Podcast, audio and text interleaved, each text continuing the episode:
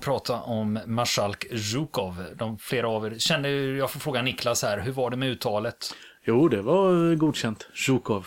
Zjukov. Ja, Ja. det är godkänt. Ja, att vi pratar om eh, marskalk Zjukov, Sovjetunionens främste marskalk under andra världskriget, är väl kanske inte så konstigt ett år som detta när det är 70 år sedan andra världskriget tog slut. Och eh, han har ju fått en förnyad betydelse i Ryssland. Och, eh, Hur menar du då? idag. Jo, eh, han har, eh, när man tänker på hur eh, man försöker skriva om historien eh, under Putins regim och så vidare och bland annat eh, fylla ryssarna med ny nationalstolthet och så vidare så eh, spelar Zjukov just en eh, stor roll, en central figur för det. Men Jag tänkte återkomma till det här på slutet. Mm, för han har väl inte Ja. alltid varit en, en eh, liksom, Inte alltid varit så eh, populär. galjonsfigur Nej. i, i Sovjetunionen. Hans konjunktur har, kurva har gått både upp och ner, så kan man säga. Ja.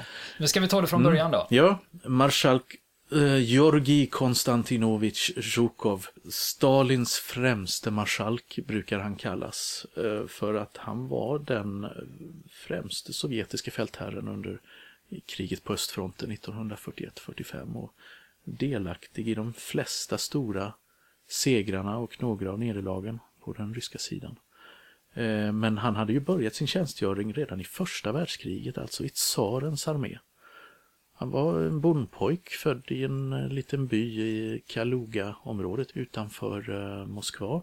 Och 1915 så blev han inkallad i kavalleriet. I den tsarryska armén där och utmärkte sig i strid, fick medalj. Och eh, bytte sen då efter revolutionen till eh, Röda armén. Det han hade nya- väl inget att välja på? Ja, nej, kanske inte välja. Kanske, kanske var det så. Eh, fast det skedde ganska sent, det skedde inte för 1919. Så gick han in i de eh, kommunistiska väpnade styrkorna och sen slogs han på den röda sidan under hela inbördeskriget. Där ända fram till 1921-22 då. Men steg sen ganska snabbt i graderna i den nya arbetarnas och böndernas armé. Då regementschef, han blev brigadchef och så blev han divisionschef och hade kommit ganska högt, högt upp då på 30-talet när Stalin började genomföra sina utrensningar. Eh, både i politiken och inom militären och på andra håll i samhället. Och eh, generalerna och marskalkarna drabbades väldigt hårt 1937 när eh, den sovjetiska säkerhetstjänsten började rensa ut nästan hela militärledningen. Man brukar prata om att man i praktiken halshögg Röda armén då på bara några månader. Hette de NKVD vid det? NKVD, ja precis, som eh, senare blev KGB och som idag är FSB då. Och eh, Zjukov klarade sig med en hårsmån från att bli utrensad, kastad i läger eller rent av avrättad. Det var, eh, var nära ögat för honom en en gång där, men han blev eh, beskyddad i sista ögonblicket av en av sina överordnade. Och 1939, vi brukar tänka på Polen, september 1939 som krigsutbrottet. Men egentligen kan man faktiskt säga, som även den brittiska krigshistorikern Anthony Beaver har gjort, också att andra världskriget började egentligen i augusti 39. Och det började inte i Polen, utan det började vid gränsen mellan Ryssland och Manchuriet och Mongoliet, en plats som heter Chalchingol. Där eh, japanska förband hamnade i en strid med ryska förband. Man höll på att bråka om en gränsdragning där borta då vid Rysslands, Sovjetunionens östra gräns. Där slog eh, Tjukov till med en anfallsoperation som eh, ledde till en stor seger över de japanska styrkorna. Det där blev så att säga grundmurade hans rykte som en eh, duktig och skicklig befälhavare. Redan vid, det, vid den tidpunkten då. ett par år senare, i februari 41, så hade han, hade han då blivit generalstabschef för hela Röda armén. Det var alltså den högste, kan man säga, under Stalin, som ledde de eh, sovjetiska markstridskrafterna där. Var det på meriterna då från Algeriet eller? Ja, bland annat. Han eh, kom sen då under eh, Barbarossa som inleddes bara några månader senare under fortsättningen av kriget då på östfronten att utmärka sig många gånger då. Han var ju bland annat inblandad i eh, slaget Stalingrad 42-43. Som vi kommer att ta upp eh, lite Det i något annat också. avsnitt. Ja, precis. Stalingrad Det kommer man inte runt. Nej, man gör inte det. Stalingrad Och- kommer man inte ur, kanske Nej, man skulle säga som precis. Paulus hade sagt. Ja, precis. Oj. och eh, han var med vid be- eh, belägringen av Leningrad. Där räddade Leningrad 1941 från att erövras av tyskarna och lite senare samma höst Moskva. I stort sett varenda stor operation där ryssarna hade framgång kan man säga hade Tjukov på ett eller annat sätt ett finger med i spelet. Som befälhavare eller den som planerade eller drev på. Eh, så han skickades hit och dit längs fronten. Och eh, var ju den som också i krigsslutet så att säga skulle få äran att erövra Berlin i april 1945. Men Stalin var ju en eh, mästare på att spela ut sina underhuggare mot varandra så att det blev en kapplöpning mellan Tjukov och en annan sovjetisk marskalk, Ivan Konjev, till den tyska huvudstaden då.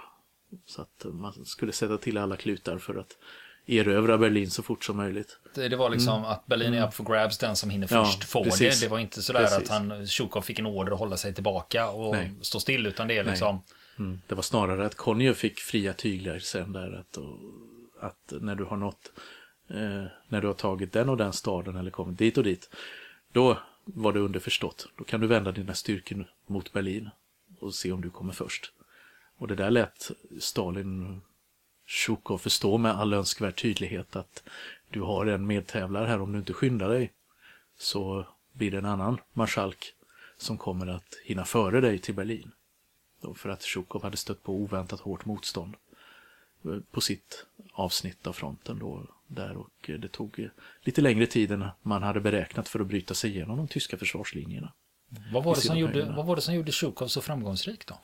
Ja, bland annat och framför allt kan man väl säga att han var förvisso en duktig befälhavare i, i mångt och mycket. Han hade Stalins förtroende. Det spelade nog lika stor roll. Det var inte alla befälhavare som hade Stalins förtroende. Han såg som Stalins handgångne man att, och problemlösare vid fronten. Fick snabbt det ryktet om sig redan 1941. Den första som faktiskt lyckades hejda den tyska anstormningen på några ställen då. Och det ledde till att ja, han blev en handyman helt enkelt. Och visade sig sen även i fortsättningen svara upp till det här då att han var, han var kanske inte en så begåvad och briljant strateg eller fältherre egentligen på det sättet som man kan tänka sig att man lägger upp lysande fälttågsplaner och genomför det här med stor skicklighet som kanske är fältmarskalk von Manstein på den tyska sidan eller någonting. Men han var skicklig på att gruppera sina förband, trupperna under, sina, under sitt befäl. Han var skicklig på att genomföra operationerna, sen att driva på sina underordnade och få dem att fullfölja det som man hade ålagt dem att göra. En fråga, Ja. kan man ge honom äran för, om man tänker sig den tyska framryckningen Mm. Barbarossa där, det, det, det gick ju som på räls inledningsvis. Men kan man ge Tjukov äran för att lyckas bryta den? Ja, det är en, en del, ja, Eller ska man, är det den eh, ryska vintern som man ska... Ja, det, det är ju flera olika faktorer där. Är det ju. Och en av dem är Tjukov, andra är ju naturligtvis vädret och terrängen och utdragna eh, underhållslinjer och utmattning på tyska sidan och så vidare. Och eh, helt enkelt att man eh, från rysk sida kunde sätta in eh, friska divisioner som man hade hämtat från Sibirien. Så att det är många förklaringar. Men Tjukov är definitivt en av förklar- de faktorer som man måste ta hänsyn till. Till varför de tyska trupperna inte lyckades inta Moskva vintern 1941-42. Det skulle jag nog säga. han fick ju naturligtvis den här högsta utmärkelsen i Sovjetunionen, Sovjetunionens hjälte. Den lilla guldstjärnan i ett rött band som man satte på, eh, man satte på sin uniform och den fick han inte en gång utan fyra gånger. Totalt. Och en massa andra medaljer såklart.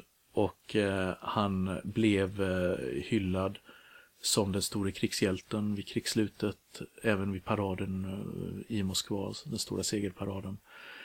Men eh, Stalin såg samtidigt i honom en eh, potentiell konkurrent om makten, en farlig rival kunde han utvecklas till.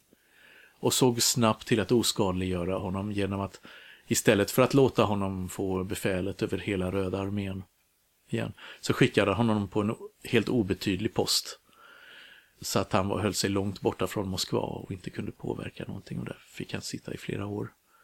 Helt i skymundan och eh, naturligtvis utan att hans prestationer och så omnämndes på något särskilt sätt utan det var ju Stalin som sen i historieskrivningen där tog åt sig all äran för vad som hade hänt då som den store ledaren och såg snabbt till att Tjukov skulle glömmas bort då i, i historieskrivningen och propagandan. Han togs till nåder först efter Stalins död 1953. Nikita Khrushchev som blev den eh, viktigaste maktspelaren och senare makthavaren då i, i eh, Moskva Sovjetunionen. Eh, tog honom tillbaka och eh, Sjukov var även den som då arresterade han tillhörde den grupp officerare som arresterade chefen för den sovjetiska säkerhetstjänsten under Stalin, Lavrentij Beria, Beria, chefen för NKVD. Och såg till att han avrättades, så man röjde en farlig person i vägen där då. Men hade inte Khrushchev och mm. eh, Khrushchev och Tjukov, hade inte deras vägar mötts tidigare under kriget? Ja, det hade det gjort. Det hade de gjort.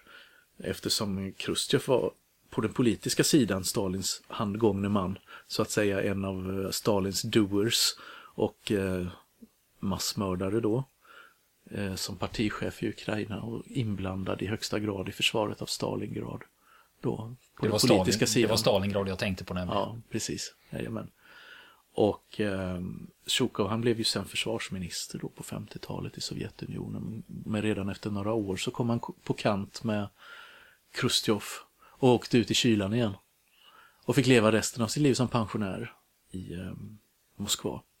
Och var under många av de här åren så var han alltså, som jag sa, verkligen ute i kylan då. Återigen skulle han förtalas, han skulle glömmas bort, hans, det han hade gjort skulle förminskas eller bortförklaras eller andra skulle få äran av det.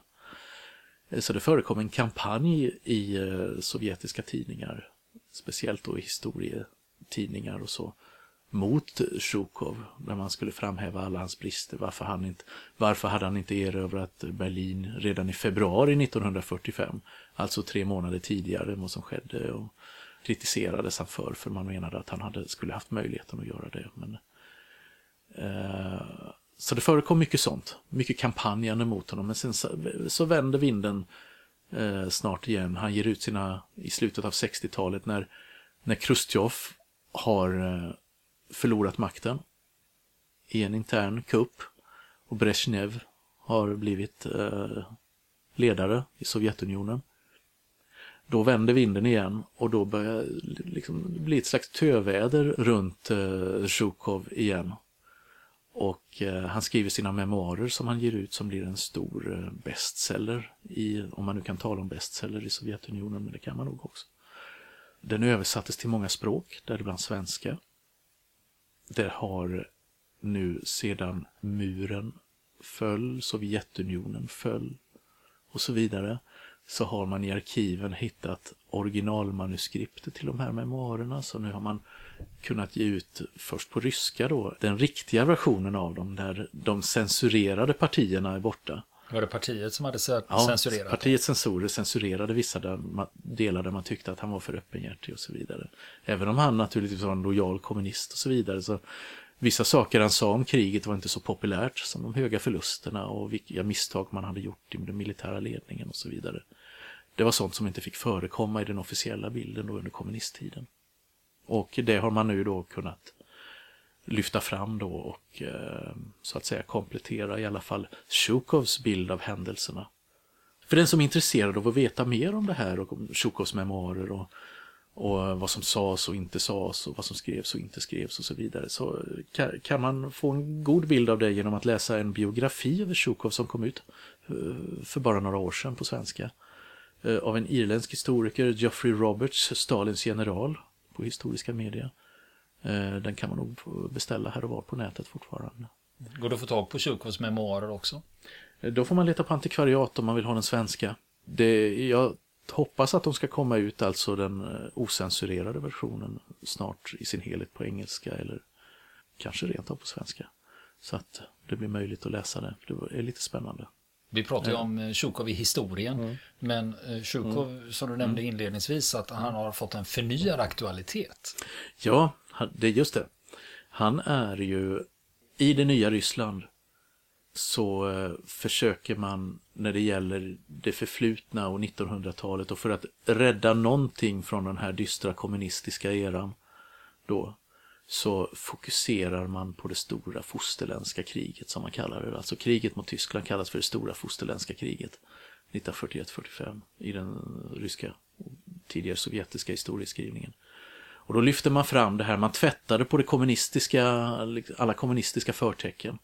Men framhåller ändå som ett hjältemodigt krig och eh, med stora bragder och man liksom återinför mycket av den här gamla sovjetiska historieskrivningen med, med hjältarna som stupade för fosterlandet och tonar ner allt som inte var så bra igen.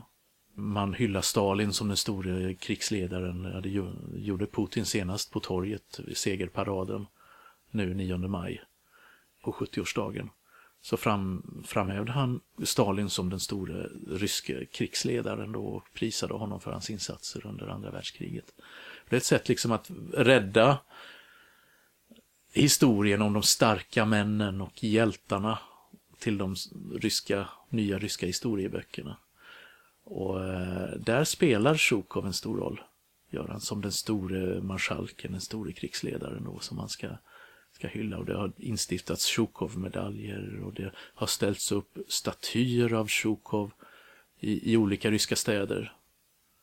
Och, och så vidare och så vidare och det kommer ut nya böcker om honom hela tiden och som hyllningsporträtt och så vidare. Så att han är en figur som har en stor betydelse alltså i, som är, eh, eftersom historia många gånger är politik.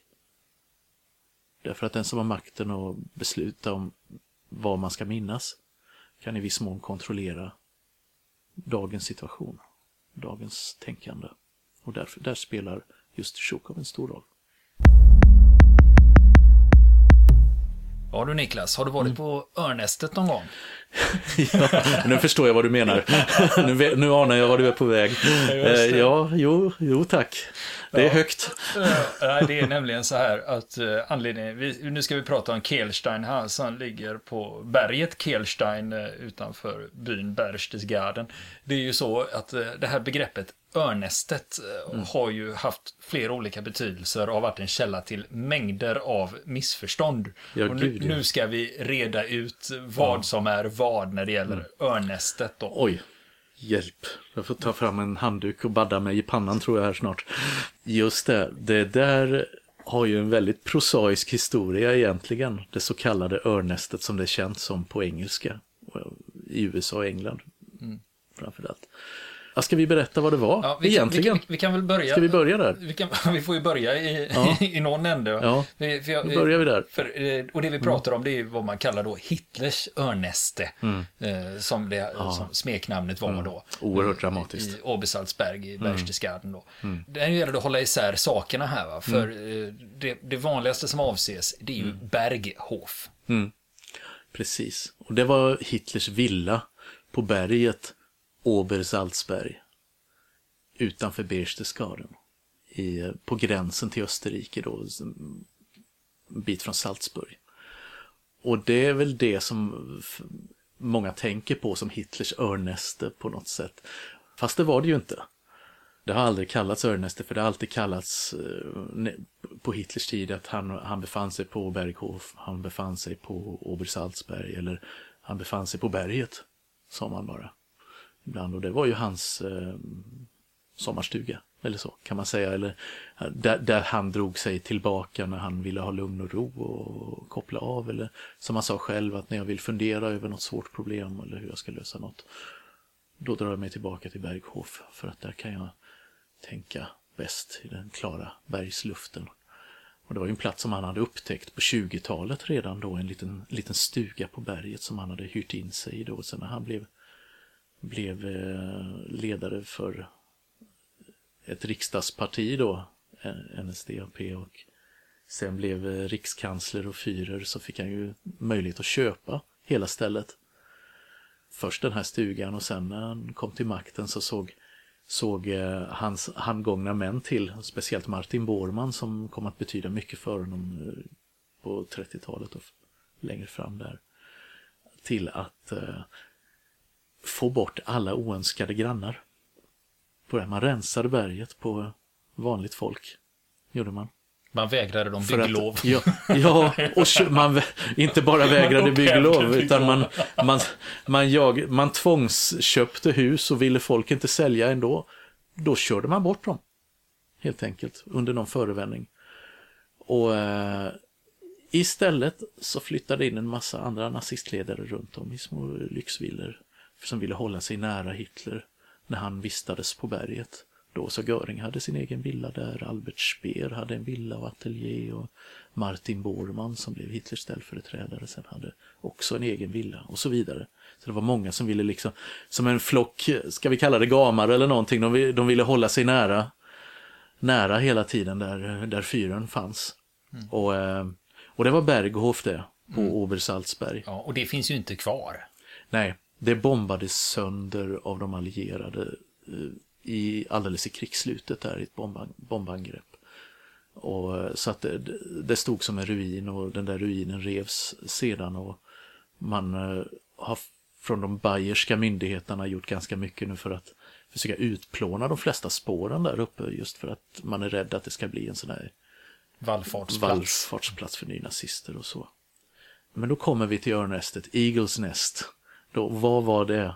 Jo, det var ett tehus det, det ja. som heter Kehlsteinhaus. Kehlsteinhaus, Och precis. det finns ju kvar ja, och det går ju att besöka. På, ja, jajamän. Och det klarade sig helt enkelt därför att bomberna missade det under det här bombangreppet då. I slutet av andra världskriget. Och det var ett tehus byggt på en bergs, närbelägen bergstopp som Hitler fick i 50-årspresent den 20 april 1939 av eh, Martin Bormann som hade sett till då att det här byggdes. Man kan väl säga att Hitler uppskattade väl inte den här presenten så där särdeles mycket. För han besökte den här platsen troligen bara ett tiotal gånger här. Om man har kabel-tv så har man mm. ofta tillgång till många historiska ja, kanaler och där ser man ganska ofta mm. filmklipp som mm. är just från Kehlsteinhaus. Ja. Där man ändå kan se Hitler och Eva Braun. Jajamän. Men det var alltså vid fåtal gånger som han åkte upp dit. Man var tvungen att ta hiss upp som gick in i berget och han var eh, klagade på att är den här hissen skyddad för blixtnedslag? Jag är inte säker på det. Eh, han var nervös för att någonting skulle hända honom där. Eh, han var rädd för att den här bergstoppen skulle vara oskyddad för fiendens bombanfall och så vidare. Att han skulle bli attackerad när han var där uppe. Så det var mycket sånt där som gjorde att han kände sig väl inte bekväm riktigt där uppe utan höll sig lite, på lite lägre höjd vid sin egen villa och så vidare. Men på något outgrundligt sätt så har det här stället, förmodligen på grund av läget, blivit känt som örnästet. Och det påstås att det var en fransk diplomat som har eh, gett, gett det här namnet en gång i tiden då, att det fastnade direkt just för att det var lite spektakulärt. Och det har bitit sig fast sen på, på många olika sätt och varit svårt att eh, radera ut. Och i vissa mindre belästa skildringar eller så fort det nämns Hitlers högkvarter så ser man ibland en, en bild på tehuset. Liksom, ja, det var ju inte riktigt mm. med sanningen överensstämmande. Det som är ja. idag är det ett mm. populärt besöksmål för turister. Ja. Om man åker till Berchtesgaden så kör mm. man upp en bit upp mm. berget och så ställer ja. man bilen. För sen är det specialbyggda mm. bussar. Man får inte köra privata bilar upp dit. Nej, utan du ställer din bil och sen får du ta en buss. Mm. Precis. Specialbyggda bussar då, för det är väldigt kraftig lutning och smala. Mm. vägar. Och så där går man in genom en gång och där är det den här eh, Mm. hissen som också är skildrad i eh, flera filmer och dokumentärer. Ja, en precis. guldfärgad hiss som man åker upp till eh, Jajamän. själva Kehlstein House då. Ja, precis. Och det är ju väldigt spektakulärt. Du, har- både du och jag har ju Mm. varit där. Och det är fantastiska vyer. Mm. Och jag, förstår, jag har full förståelse för att det är ett jättepopulärt besöksmål och även Mm. i en historisk kontext så är det ju fortfarande intressant. Ja, ja det är det ju. Man kan ju säga att eh, det är ju en, eh, en symbol för vad man kan åstadkomma under en diktatur till exempel när du har tillgång till resurser och kan liksom förverkliga minsta vink. Ja, jag vill bygga ett hus på en bergstopp. Ja, då skickar man in tusentals arbetare och gör det. Och som spränger tunnlar och gångar inne i berget och bygger hissar inuti och och så vidare. Alltså, det måste kostat oerhörda summor att genomföra. Bara för att man ville ge en födelsedagspresent till en misslyckad målare från Österrike. För sen tror jag också att det hänger ihop med att om man tittar på de andra villorna eh, som fanns där, det är Mm. Ja. i stort sett bara Kehlstein House som är kvar. Ja, det är precis som är kvar intakt. Det kan man nog säga. Det finns ju några ruiner kvar av andra byggnader där gör det. Man har byggt upp ett dokumentationscentrum nu på sistone då som på senare år som ska ge en mer utställning slash museum som du kan gå in i.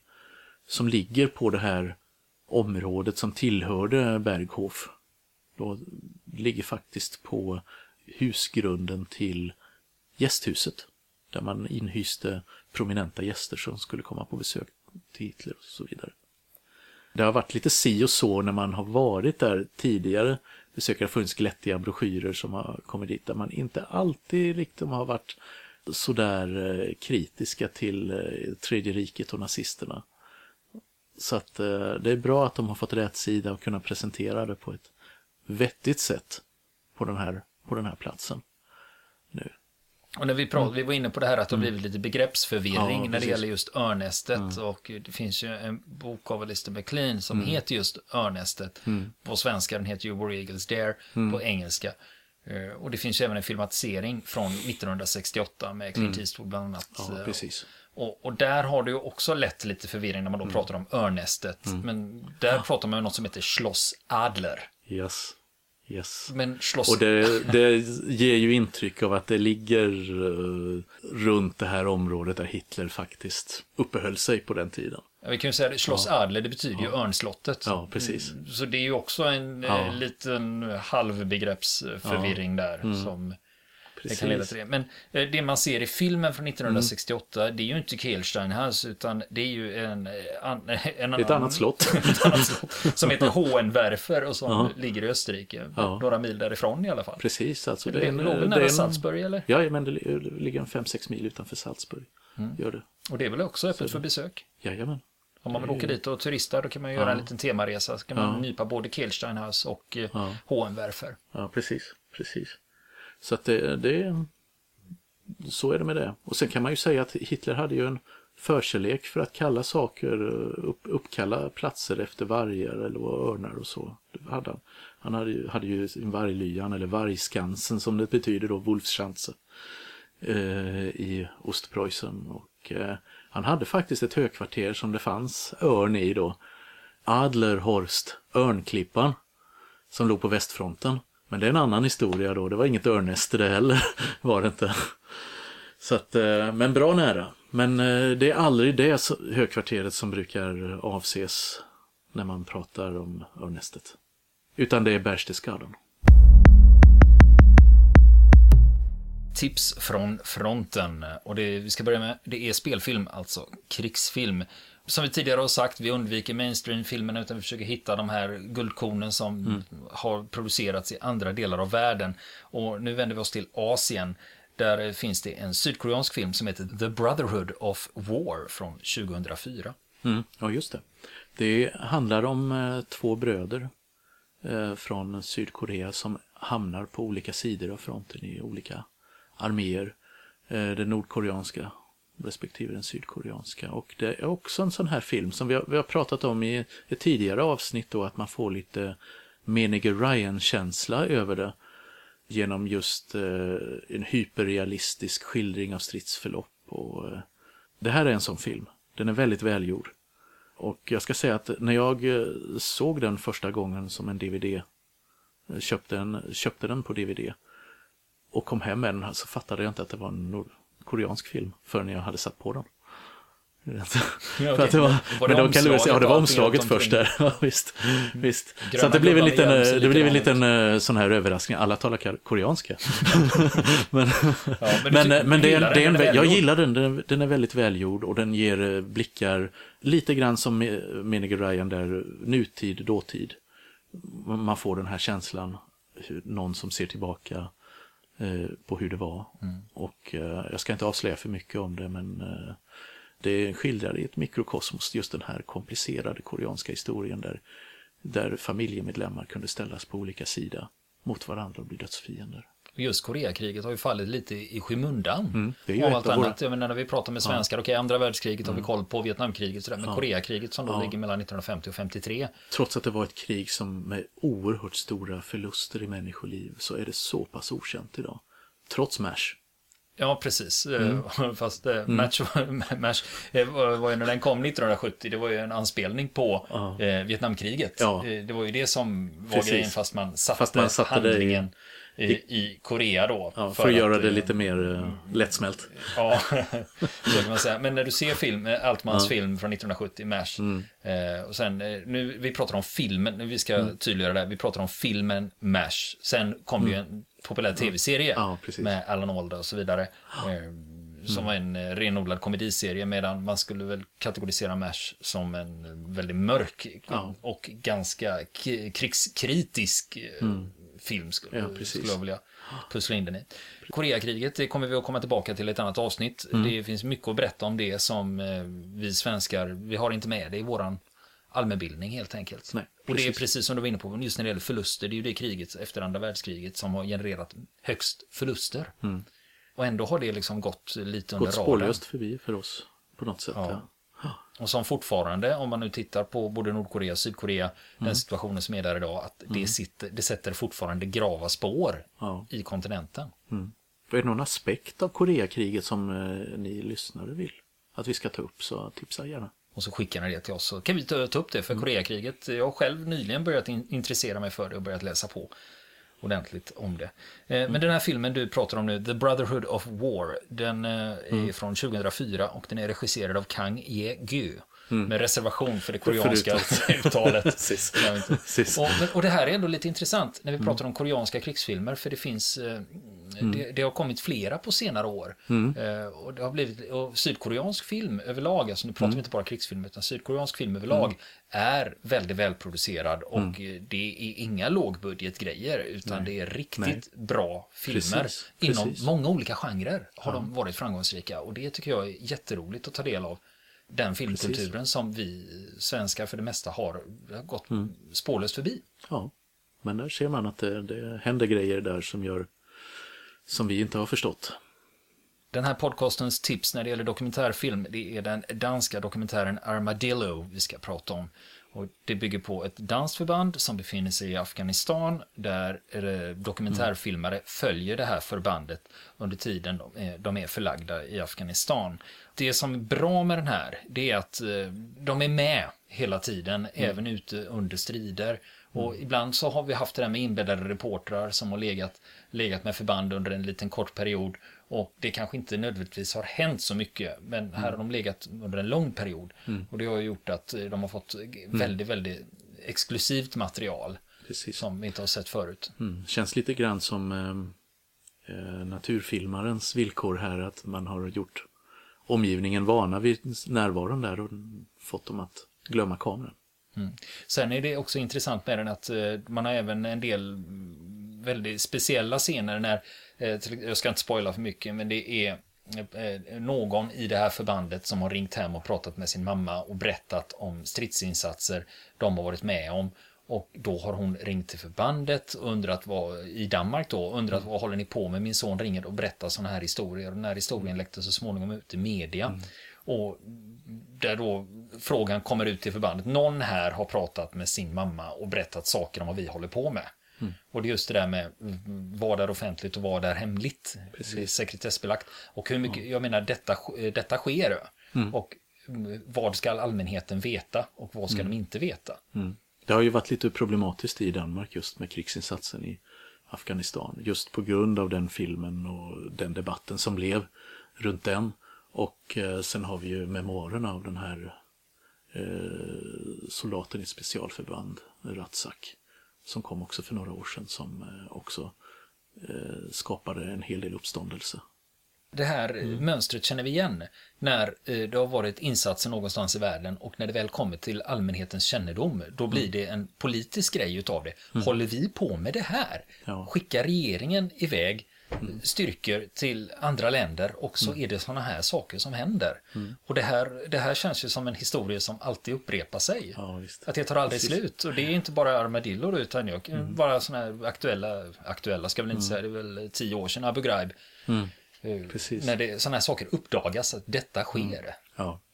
Och det, det verkar också vara, nu Abu Ghraib var ju ett extremt exempel. Ytterst väldigt extremt exempel. Ja, inga jämförelser med Nej. Armadillo och Abu Ghraib i övrigt. Nej, precis. Kanske jag ska tillägga. Men, men eh, en, en reflektion man kan göra där är ju att det, det kanske är så att i länder som eh, inte har varit så mycket, haft så mycket erfarenhet av krig på de senaste årtiondena, där blir det här en större grej än i till exempel USA i andra fall. Då, jag menar, eh, människor dör i krig. Man skickar ut unga pojkar och så kommer de hem i likkistor. Ja, och Danmark, om man tittar på insatsen i Afghanistan, om man tittar på förluster, om man då räknar danskar mot svenskar, Mm. så är ju danskarna hårdare drabbade än vad Sverige var. Just det. Och nu har det blivit dags för boktipset då och eh, nu är vi inne på facklitteratur och det vi ska prata om nu det är Peter Englunds bok eh, Krigets skönhet och sorg. Och det är väl de som är intresserade av sånt här, de har väl knappast gått spårlöst förbi. Nej, det kan man verkligen inte säga. Just eh, den här boken då om första världskriget och vittnesmål då om första världskriget. Eh, när den kom ut första gången så väckte ju den, blev det en stor succé och den har översatts till många språk.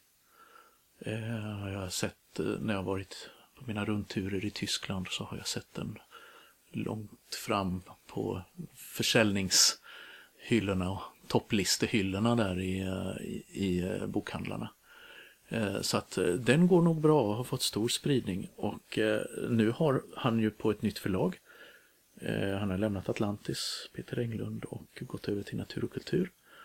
Och där gör man en nyutgivning i samband med 100-årsminnet av första världskriget. Och där man delat, delat upp det här då i en bok för varje år, en för 1914, en för 1915 och så vidare. Så fortsätter den här utgivningen fram till 2018 då. Det är 100-årsminnet av första världskrigets slut. Och det som är Ja. intressant när den här kom, för i, om vi tittar på populärkulturen där andra världskriget har en väldigt framskjuten position, så har ju första världskriget hamnat lite i skymundan där. Ja, precis. Det, det har ju gjort det, trots att det var där som, för att låna ett eh, uttryck från en bok som, om första världskriget som kom ganska nyligen. En annan bok där man kallar det för urkatastrofen på 1900-talet, det som, så att säga, det trauma som satte igång mycket av det som skedde sedan. Mm. Det finns ju en del krigshistoriker som även hävdar att första världskriget och sen var det ett vapen upp, precis. vapenstillestånd Jaha. fram till 1939 och sen rullade det Precis, igång och sen igen. rullar det igång igen, som har sett det som ett enda europeiskt inbördeskrig.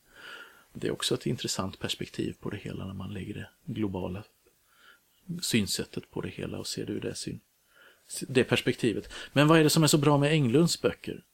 Ja, var det en retorisk fråga eller var det fråga mig? nästan, nästan retorisk, men kör på. Nej, jag gillar ju Englund för att det är ju väldigt mycket fakta och Mm. han går ju till källorna och går hela vägen ner i botten Mm. på det.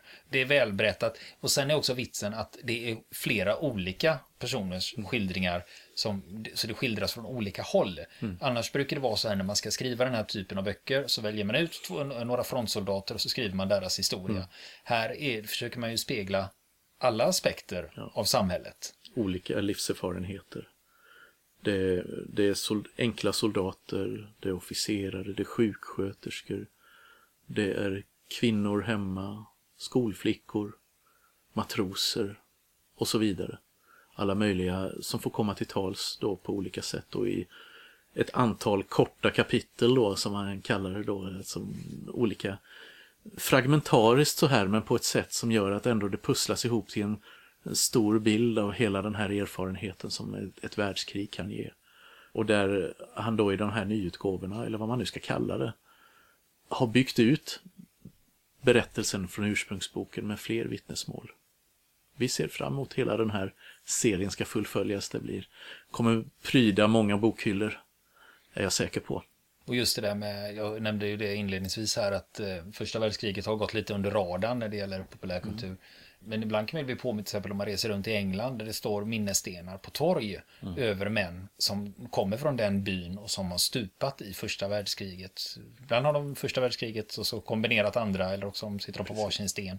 Att man eh, fortfarande på något sätt högtidligt håller det här under eh, mm. minnesdagen. Ja, i länderna i uh, Centraleuropa och i England och så vidare så är ju det här fortfarande en del av familjehistorien. Och där det fortfarande och i många familjer och släkter finns berättelser kvar. Även om personerna som var med då är, har gått bort och döda sedan länge. Så finns, det, finns den här personliga erfarenheten, traditionen kvar i familjen. Så att det ligger ganska nära hos dem ändå. Vad det var som skedde och att man har personliga beröringspunkter till platser som Verdun, som Passchendaele och så vidare. Gallipoli på de här platserna som du nämnde, där finns mm. det ju mm. flera minnesmärken också. Om man är mm. intresserad och reser i de här områdena, Flandern och eh, Somme och Frankrike. Där finns det ju museer och minnesmärken och platser man kan besöka om man vill lära sig mer om det här. Nu ska vi prata om skönlitteratur. Och eh, den här boken är lite lurig för är det skönlitteratur eller är det facklitteratur? Det är alltså här när man pratar om biografier när folk ska berätta om sina egna erfarenheter. Jag har ändå valt att kategorisera den här som skönlitteratur. Sen får väl någon annan ta och hänga med om jag har helt fel då. Men eh, boken heter The Shortchimers och är skriven av Gustav Hasford. Ni kommer ihåg när vi pratade om Michael Hurs rapporter så var vi inne på det här med Full Metal Jacket, att det fanns mm. ett samband där och det är samma sak med eh, Gustav Hasfords The Short Timers då. För eh, det är den som ligger som manusgrund för Full Metal Jacket. Stanley Kubricks film från 1987. Och den här är, och nu är det också det där att även om ni har mm. sett filmen så är det fortfarande värt att läsa boken. För det är ändå en, så pass mycket ändringar har det blivit i filmmanuset att boken får stå för sig och filmen får stå för sig. Och den är fortfarande läsvärd. Det är väldigt kort och saklig prosa. Det är inte massa yviga beskrivningar utan det är ganska kallhamrat och det känns lite som man har läst lite hårdkokta amerikanska deckare innan Gustav Hasford satte sig vid skrivmaskinen. Och jag kan ju säga att den slutar ju på ett helt annat sätt än Full Metal Jacket och bara det då blir man nyfiken. Det blir man nyfiken, ja. En riktig mm. cliffhanger för att se vad som egentligen hände. Så The Short Timers av Gustav Hasford, klart läsvärd.